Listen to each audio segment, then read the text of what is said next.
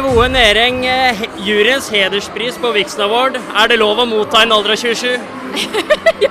Altså, jeg Men jeg må si, jeg kunne valgt å føle meg gammel, men jeg føler meg bare hedret mens jeg lever, og jeg er veldig glad. Jeg føler meg litt ydmyk, fordi det er så mange i denne bransjen som kunne fortjent sånn her hederspris. Jeg føler det er baner vei for andre innenfor ulike kategorier. Jeg må jo trekke frem Sofie Elise, som en jeg virkelig syns har banet vei for andre kvinner.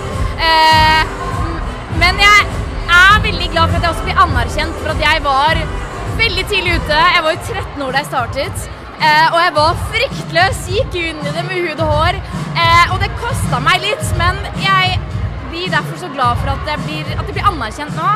Eh, det gjør meg veldig, veldig veldig stolt og glad. Og det her er en av de fineste prisene jeg kunne vunnet. Men selv om du får en hederspris, så er det vel ikke det siste vi ser av eh, deg i sosiale medier?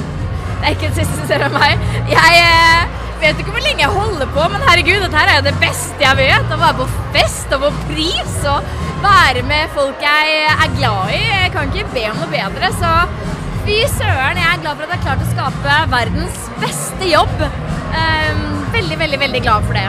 Og det må jeg si at eh, jeg slutta jo å blogge. Jeg trakk meg vekk fra alt sammen i eh, ca. tre år. Og det var veldig nødvendig for meg for å få et perspektiv på alt sammen.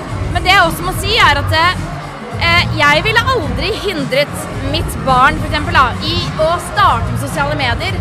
Fordi det åpner så mange dører. Det har gjort meg til den jeg er i dag. På godt og vondt, men mest på godt. Eh, jeg mener det er en fantastisk mulighet å skape sin egen business, skape sin egen arbeidsplass og gjøre noe litt annerledes enn det alle andre gjør. Så jeg er ekstremt stolt for å kunne på en måte, ja, være representant for influenseryrket.